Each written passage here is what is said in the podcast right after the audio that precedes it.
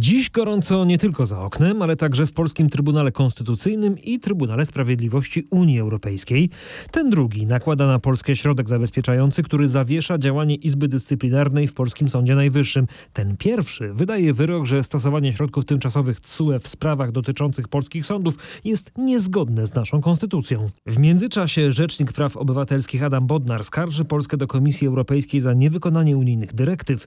Ministerstwo Obrony Narodowej ogłasza, że kupimy od Amerykanów czołgi Abrams, a Komisja Europejska zgłasza pakiet propozycji legislacyjnych, które mają umożliwić zmniejszenie emisji dwutlenku węgla. Ja zaś ogłaszam, że zaczynamy podsumowanie dnia w RMFFM w środę 14 lipca. Jonasz Jasnorzewski, zapraszam.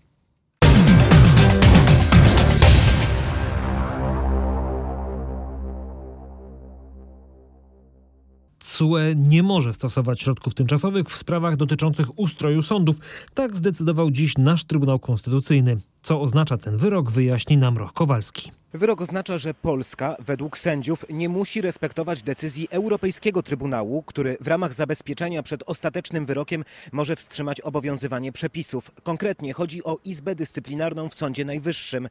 Unijny sąd już w ubiegłym roku orzekł, że powołana Izba powinna wstrzymać swoją działalność, w tym prowadzenie postępowań dyscyplinarnych wobec sędziów. Ten nakaz Trybunał Sprawiedliwości powtórzył dosłownie półtorej godziny temu, na kilkadziesiąt minut przed wyrokiem polskich sędziów.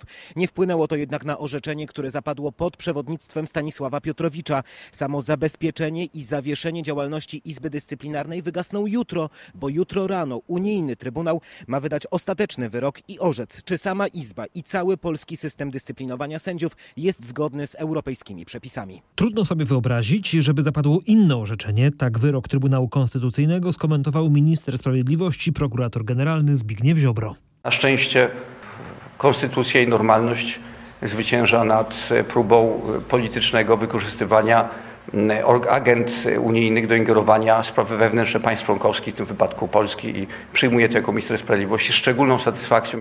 Zanim przewodniczący składu orzekającego Stanisław Piotrowicz ogłosił wyrok, na sali bywało gorąco, a sam Trybunał kilkakrotnie ogłaszał przerwy w rozprawie. W pewnym momencie Stanisław Piotrowicz odebrał głos przedstawicielowi Rzecznika Praw Obywatelskich doktorowi Krzysztofowi Filipkowi. Co tak zirytowało Piotrowicza, wie Tomasz Skory. Rzecz w podniesionym na koniec wystąpienia prawnika RPO wątku dotyczącym możliwości rozpatrywania sprawy przez obecny Trybunał Konstytucyjny. Kiedy tylko doktor Filipek wspomniał o powołaniu do Trybunału tzw. Tak sędziów dublerów, Prowadzący rozprawę Stanisław Piotrowicz zaczął mu przy, przerywać, przywołując go do rzeczy i to się kilkukrotnie powtórzyło. Prawnik dowodził, że obsada sądu jak najbardziej należy do sprawy. Piotrowicz przerywał mu znowu, no i wreszcie nie wytrzymał. Sprawa dotyczy pytania Izby Dyscyplinarnej i proszę odnosić się do tego, a nie do tych rzeczy, które są przedmiotem pańskich fantazji. Panie Przewodniczący, chcieliśmy wskazać kilka czynników, które dyskwalifikują organ rozpatrujący sprawę od orzekania w niniejszej sprawie. Odbieram panu głos, przerywam rozprawę, ogłaszam 15 minut przerwy. Jak wspominał Roch Kowalski, Polska nie musi już respektować decyzji zabezpieczającej TSUE, a jakie zastrzeżenia do Izby Dyscyplinarnej ma Trybunał Sprawiedliwości Unii Europejskiej, przypomni Katarzyna Szymańska-Borginą. Chodzi zwłaszcza o zawieszenie działania Izby w sprawach dotyczących sędziów, a więc przepisów, które pozwalają Izbie orzekać w kwestii zezwolenia na pociągnięcie sędziów do odpowiedzialności karnej lub na ich tymczasowe aresztowanie. Chodzi konkretnie na przykład o przypadki odebrania immunitetów sędziemu Igorowi Tulei czy sędzi Beacie Morawiec. Trybunał przychylił się do wniosku Komisji Europejskiej, a przypomnę, że Bruksela uważa, że Polska naruszyła prawo Unii, ponieważ zezwoliła Izbie Dyscyplinarnej, której niezawisłość i bezstronność nie są zagwarantowane na podejmowanie decyzji, które mają bezpośredni wpływ na sędziów i sposób wykonywania przez nich funkcji. Nieuznawanie przez Polskę dzisiejszego zabezpieczenia CUE nie oznacza wcale, że nie będzie ono miało konsekwencji, donosi nasza brukselska korespondentka.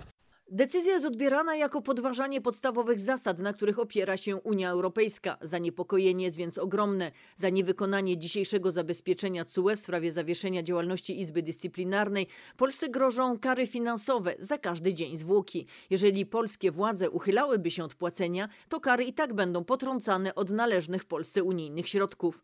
W związku z decyzją Trybunału Konstytucyjnego Komisja Europejska może także rozpocząć procedurę o naruszenie unijnego prawa, która także może zakończyć zakończyć się w CUE.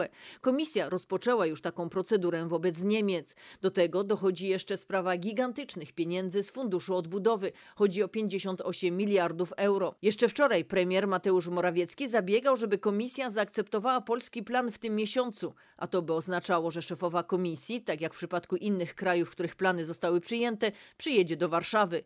Trudno sobie jednak teraz wyobrazić, by po takim policzku, jaki został wymierzony Unii w środku tak gigantycznej afery, Ursula von der Leyen, jak gdyby nigdy nic, przyjechała do Warszawy z zaakceptowanym planem. Polska i tak jest już w ostatniej grupie krajów, których plany mają być przyjęte, razem z Węgrami, które mają opóźnienie ze względu na praworządność. Taki konflikt może oznaczać opóźnienie wypłat, na które czekają polscy przedsiębiorcy.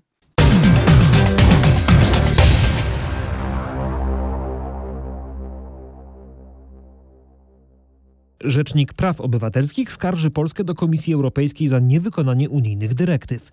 W przeddzień opuszczenia urzędu Adam Bodnar skierował do odpowiadającego za sprawiedliwość komisarza Didiera Reindersa pismo wskazujące, że Polska nie dostosowała swojego prawa do wymagań Unii dotyczących praw osób podejrzanych lub oskarżonych. Dlaczego Adam Bodnar zdecydował się na taki krok, wyjaśni niezawodny Tomasz Skory. Bodnar napisał, że robi to wobec braku możliwości podjęcia kroków prawnych w kraju, w szczególności w sytuacji braku niezależnego Trybunału Konstytucyjnego, który mógłby stwierdzić niezgodność pominięcia ustawodawczego z wiążącymi Polskę normami prawa międzynarodowego i europejskiego. W dwunastostronicowym dokumencie Polski RPO zwraca się do odpowiedzialnego za sprawiedliwość komisarza o rozważenie skorzystania z uprawnień, jakimi dysponuje komisja, aby doprowadzić do zgodności prawa polskiego z przepisami trzech wskazanych dyrektyw. Mówiąc wprost, Adam Brodnar prosi Komisję Europejską o rozważenie zaskarżenia Polski za ich niewykonanie. Zmuszony zostałem skierować do pana komisarza niniejsze pismo, napisał do Didiera Reindersa, rzecznik praw obywatelskich, podkreślając, że wielokrotnie zgłaszał się, zwracał się w sprawie realizacji dyrektyw Parlamentu Europejskiego do, do polskich władz, był jednak zbywany.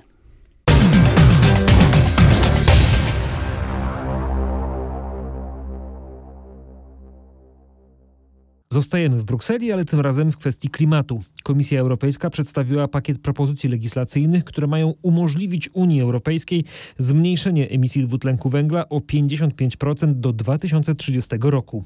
Propozycja zawiera m.in. zakaz produkcji aut spalinowych po 2035 roku.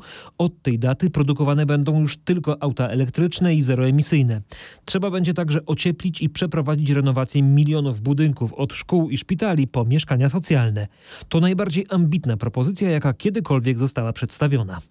To wizja, która dzisiaj wydaje się dosyć utopijna. Będzie mniej ciężarówek na drogach, mniej korków w miastach, bo transport towarów będzie w większym stopniu niż obecnie odbywać się drogą wodną i koleją.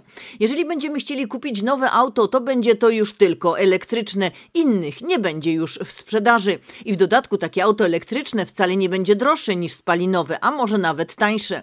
Gdy na wakacje pojedziemy już tym nowym samochodem elektrycznym, to nie będziemy musieli się martwić, tak jak obecnie, gdzie go naładować ładować, nawet jeżeli wybierzemy się na drugi koniec Europy. Na każdej autostradzie w każdym kraju, który będziemy przejeżdżać, będą w dogodnej odległości stacje do ładowania. Będziemy oddychać czystszym powietrzem, bo także samoloty będą korzystać z bardziej ekologicznego paliwa. Otrzymamy dotacje na renowację i ocieplenie mieszkania, zwłaszcza jeżeli nasz dochód jest niski. Żywność będzie zdrowsza, bo rolnicy będą stosować jeszcze mniej nawozów sztucznych, a plastikowe opakowania przejdą już całkowicie do lamusa. Propozycja Brukseli jest słuszna, ale niewystarczająca, przekonywał gość Pawła Balinowskiego w rozmowie w samo południe w RMFFM profesor Zbigniew Karaczun, sozolog z SGGW, ekspert koalicji klimatycznej. Znaczy, jeżeli chcemy tak naprawdę być bezpieczni, jeżeli chcemy przetrwać jako cywilizacja, to, yy, to nawet te cele, które są wyznaczone przez Komisję Europejską są zbyt słabe, dlatego że nauka mówi jednoznacznie, że E, neutralność klimatyczną powinniśmy uzyskać do 2040, a nie do 2050 roku. W związku z tym e, redukcja emisji gazów cieplarnianych w 2030 roku powinna sięgać 65%, a nie 55% jak chce Komisja Europejska. My tak naprawdę potrzebujemy coś, co byśmy nazwali fit, e, fit 1,5, czyli zapewnienie, że wzrost średniej temperatury globalnej nie będzie większy niż 1,5 stopnia, a nie tak naprawdę skupiać się na redukcji emisji i mówić o redukcji emisji, tylko o bezpieczeństwie e, klimatycznym. Na razie kraje członkowskie, w tym Polska, muszą w ogóle przyjąć te przedstawione dziś przez Komisję propozycje. Polskie władze będą musiały teraz przeliczyć, ile będą kosztować Polaków propozycje Komisji Europejskiej i ile dokładnie Polska wyciągnie z unijnej kasy na rekompensaty. Komisja zapowiedziała podwojenie funduszu modernizacyjnego, z którego czerpać będą górnicze regiony, np. Śląsk, które stopniowo będą odchodzić od węgla. Powstanie także nowy klimatyczny fundusz socjalny dla dofinansowania rachunków za energię i renowację mieszkań. Chodzi o to, żeby większe koszty ogrzewania domów nie uderzyły w najuboższych. Poza tym Polska ma środki przeznaczone na transformację klimatyczną w siedmioletnim budżecie Unii oraz 27% środków z nowego funduszu odbudowy po pandemii będzie przeznaczone na działania związane z klimatem. Dofinansowanie z Unii Transformacji Klimatycznej to dla Polski kilkadziesiąt milionów euro. Tyle, że profesor Karaczun ma wątpliwości co do tego, czy pieniądze z Funduszu Odbudowy po pandemii zostaną należycie wydane w ramach Polskiego Ładu. Ja mam wrażenie, jak czytałem ten dokument, że to zielone jest po prostu doczepione, tak, przepraszam, na doczepkę, tak, że to e, nie jest e, dokument, który e, proponowałby rzeczywiście rozwój zgodny z zasadą zrównoważonego rozwoju, zgodny z tą potrzebą, która dzisiaj istnieje i który by uznawał konieczność ochrony środowiska, zasobów przyrodniczych i konieczność ochrony klimatu jako taką immanentną, stałą cechę wszystkich działań, które państwo podejmuje. E, bo my rzeczywiście, i to zresztą widać w Krajowym Planie Odbudowy, że on jest taki, e, te, te reformy, którym ma tak naprawdę plan, Europejski Plan Odbudowy służyć, e, traktuje jako coś dodatkowego. A my dzisiaj rzeczywiście potrzebujemy radykalnej zmiany podejścia do rozwoju. A z rozwojem myślenia o klimacie w Polsce nie jest najlepiej, twierdzi gość rozmowy w samo południe. Jestem tutaj e, pesymistą, dlatego że mam wrażenie, że polski rząd tkwi mentalnie w latach 70. ubiegłego wieku i w takim podejściu do e, hydrotechniki z tego wieku, czyli stara się budować wielkie zbiorniki wodne. Na przykład takim przykładem jest zbiornik na Wiśle Siarzewo, który podobno ma zwiększyć retencję wód e, Polsce, natomiast de facto tak naprawdę, ponieważ będzie wymagał uregulowania rzeki Wisły, zmniejszy tak naprawdę retencję te, tego korytową w tej rzece i zmniejszy ilość wody, która będzie w Wiśle zatrzymywana, więc e, e ja, ja, w moim przekonaniu tak naprawdę brakuje e, dzisiejszym politykom, dzisiejszym rządzącym takiego szacunku do przyrody i zrozumienia, że przyroda tak naprawdę wie w wielu sprawach, na przykład w tym, jak zatrzymywać wodę, jak zapewniać bezpieczeństwo przeciwko suszy, znacznie lepiej niż hydrotechnika, niż człowiek. A według profesora zmiana klimatu jest widoczna gołym okiem i zagraża całemu społeczeństwu i gospodarce. Zmiana klimatu polega na tym, że w atmosferze zatrzymuje się więcej ciepła, czyli więcej energii. Ta energia musi się po prostu bardziej gwałtownie wyładować i stąd są te ekstremalne e, wydarzenia pogodowe. Koalicja klimatyczna od dłuższego czasu mówi o tym, że właśnie to jest jeden z najbardziej niebezpiecznych dla społeczeństwa, ale również dla gospodarki przejawów, skutków zmiany klimatu. I dlatego tak naprawdę ważne jest to, żebyśmy podejmowali działania na rzecz ochrony klimatu, żebyśmy radykalnie redukowali emisje.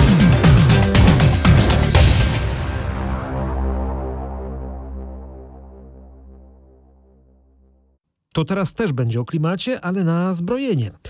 Polskie Ministerstwo Obrony Narodowej oficjalnie poinformowało, że kupujemy amerykańskie czołgi Abrams. To są czołgi super nowoczesne, czołgi, które są w stanie dokonywać różnego rodzaju manewrów, a także prowadzić walkę, w tym prowadzić ogień z ogromną precyzją, ogromną skutecznością.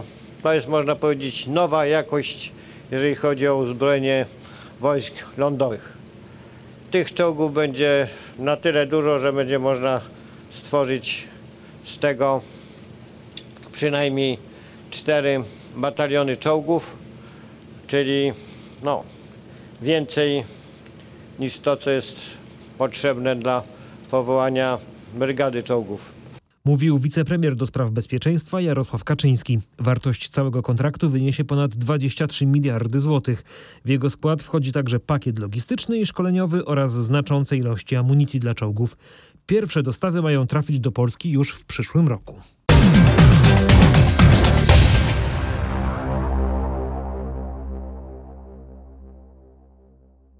Z poligonu przenieśmy się teraz y, do Sejmu, a tam doniesienia o transferze, czy też raczej powrocie. Małgorzata Janowska wraca do klubu Prawa i Sprawiedliwości. Tym samym liczy on obecnie 232 posłów, czyli o jedną osobę mniej niż przed falą ostatnich odejść. Roch Kowalski policzył, że to nie pierwsza zmiana barw poseł Janowskiej. Tak, w tej kadencji to trzeci raz. Dwa tygodnie temu posłanka odeszła z klubu PiSu i zakładała wraz z dwoma innymi politykami sejmowe koło Wybór Polska. Nie dalej jak w zeszłym tygodniu w ramach fuzji stała się posłanką koła Polskie Sprawy, tylko po to, żeby dziś wrócić do obozu rządowego. Powodem mojego wyjścia z klubu były właśnie kwestie różnic widzenia energetyki, czyli może powiedzmy sobie szczerze brak rozmów. W tej chwili te rozmowy się odbyły. Rozmowy się odbyły, więc posłanka wróciła. Prawo i Sprawiedliwość od dwóch tygodni stara się odzyskać liczbę posłów z początku kadencji. Ważne jest, że klub odbudowuje swoją większość i w tej chwili ta strata wynosi już tylko jedną osobę. Deklarował prezes Jarosław Kaczyński, zapowiadając jednocześnie, że to nie koniec transferów do klubu PiSu.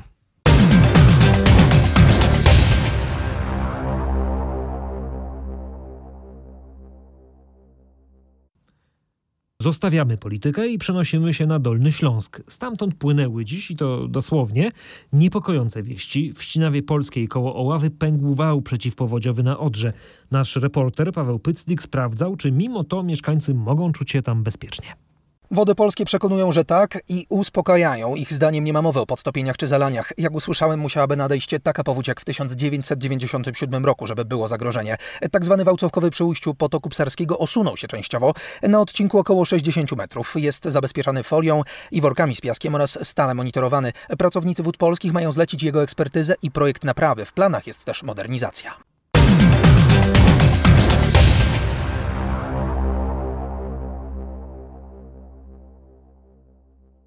Zachodu biegniemy szybko na wschód, gdzie największa w tym regionie kraju uczelnia, czyli Lubelski Uniwersytet Marii Curie Skłodowskiej, ogłosiła listy rekrutacyjne. Hitem w tym roku jest kryminologia. Tutaj y, o jedno miejsce aplikowało aż 16 osób. Na psychologię ubiegało się 12 osób na jedno miejsce. Blisko 7 osób aplikowało na finanse i rachunkowość i anglistykę, a ponad 6 na zarządzanie, dziennikarstwo i komunikację społeczną. I rozumiem, że jesteście zadowoleni z takiego oblężenia. Jesteśmy bardzo zadowoleni z wyników tegorocznej rekrutacji, bowiem my w tym roku zaobserwowaliśmy wzrost zainteresowania, czyli ponad 1000 osób więcej aplikowało o przyjęcie na studia w naszej uczelni w stosunku do roku ubiegłego. A ci, którzy wybrali i oczywiście zostaną przyjęci na kryminologię, nauczą się, jak zdobyć wiedzę na temat zjawisk społecznych, które wpływają na przestępczość. Y, poznają także genezę zachowań przestępczych i dewiacyjnych, rodzaje i rozmiary przestępczości, profile sprawców i ofiar oraz reakcje społeczne i prawne wobec zjawiska przestępczości. Tak przynajmniej obiecuje uczelnia. A te informacje wytropił dla Państwa nasz reporter Krzysztof Kot.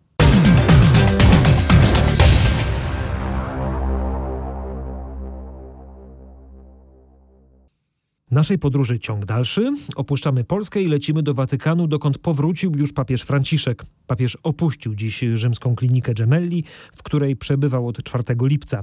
Przeszedł w niej operację jelita grubego. Wcześniej informowano, że papież wyjdzie z placówki jutro. W niedzielę Franciszek pokazał się publicznie po raz pierwszy od operacji. Spotkał się z wiernymi, którzy przyszli przed klinikę na modlitwę Anioł Pański. Mówił nieco osłabionym głosem, ale był w dobrej formie i przez całe spotkanie stał na balkonie.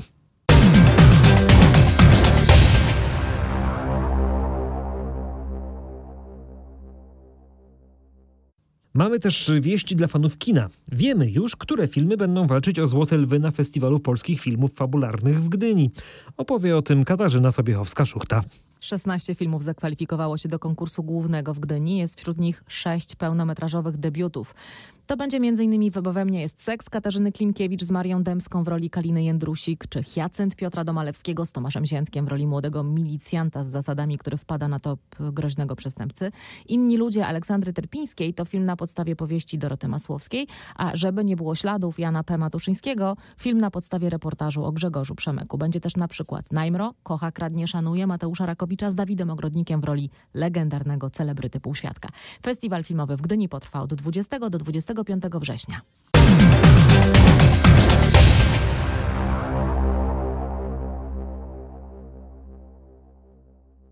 To skoro już y, mówimy o lwach, to poczujmy się trochę jak w Afryce.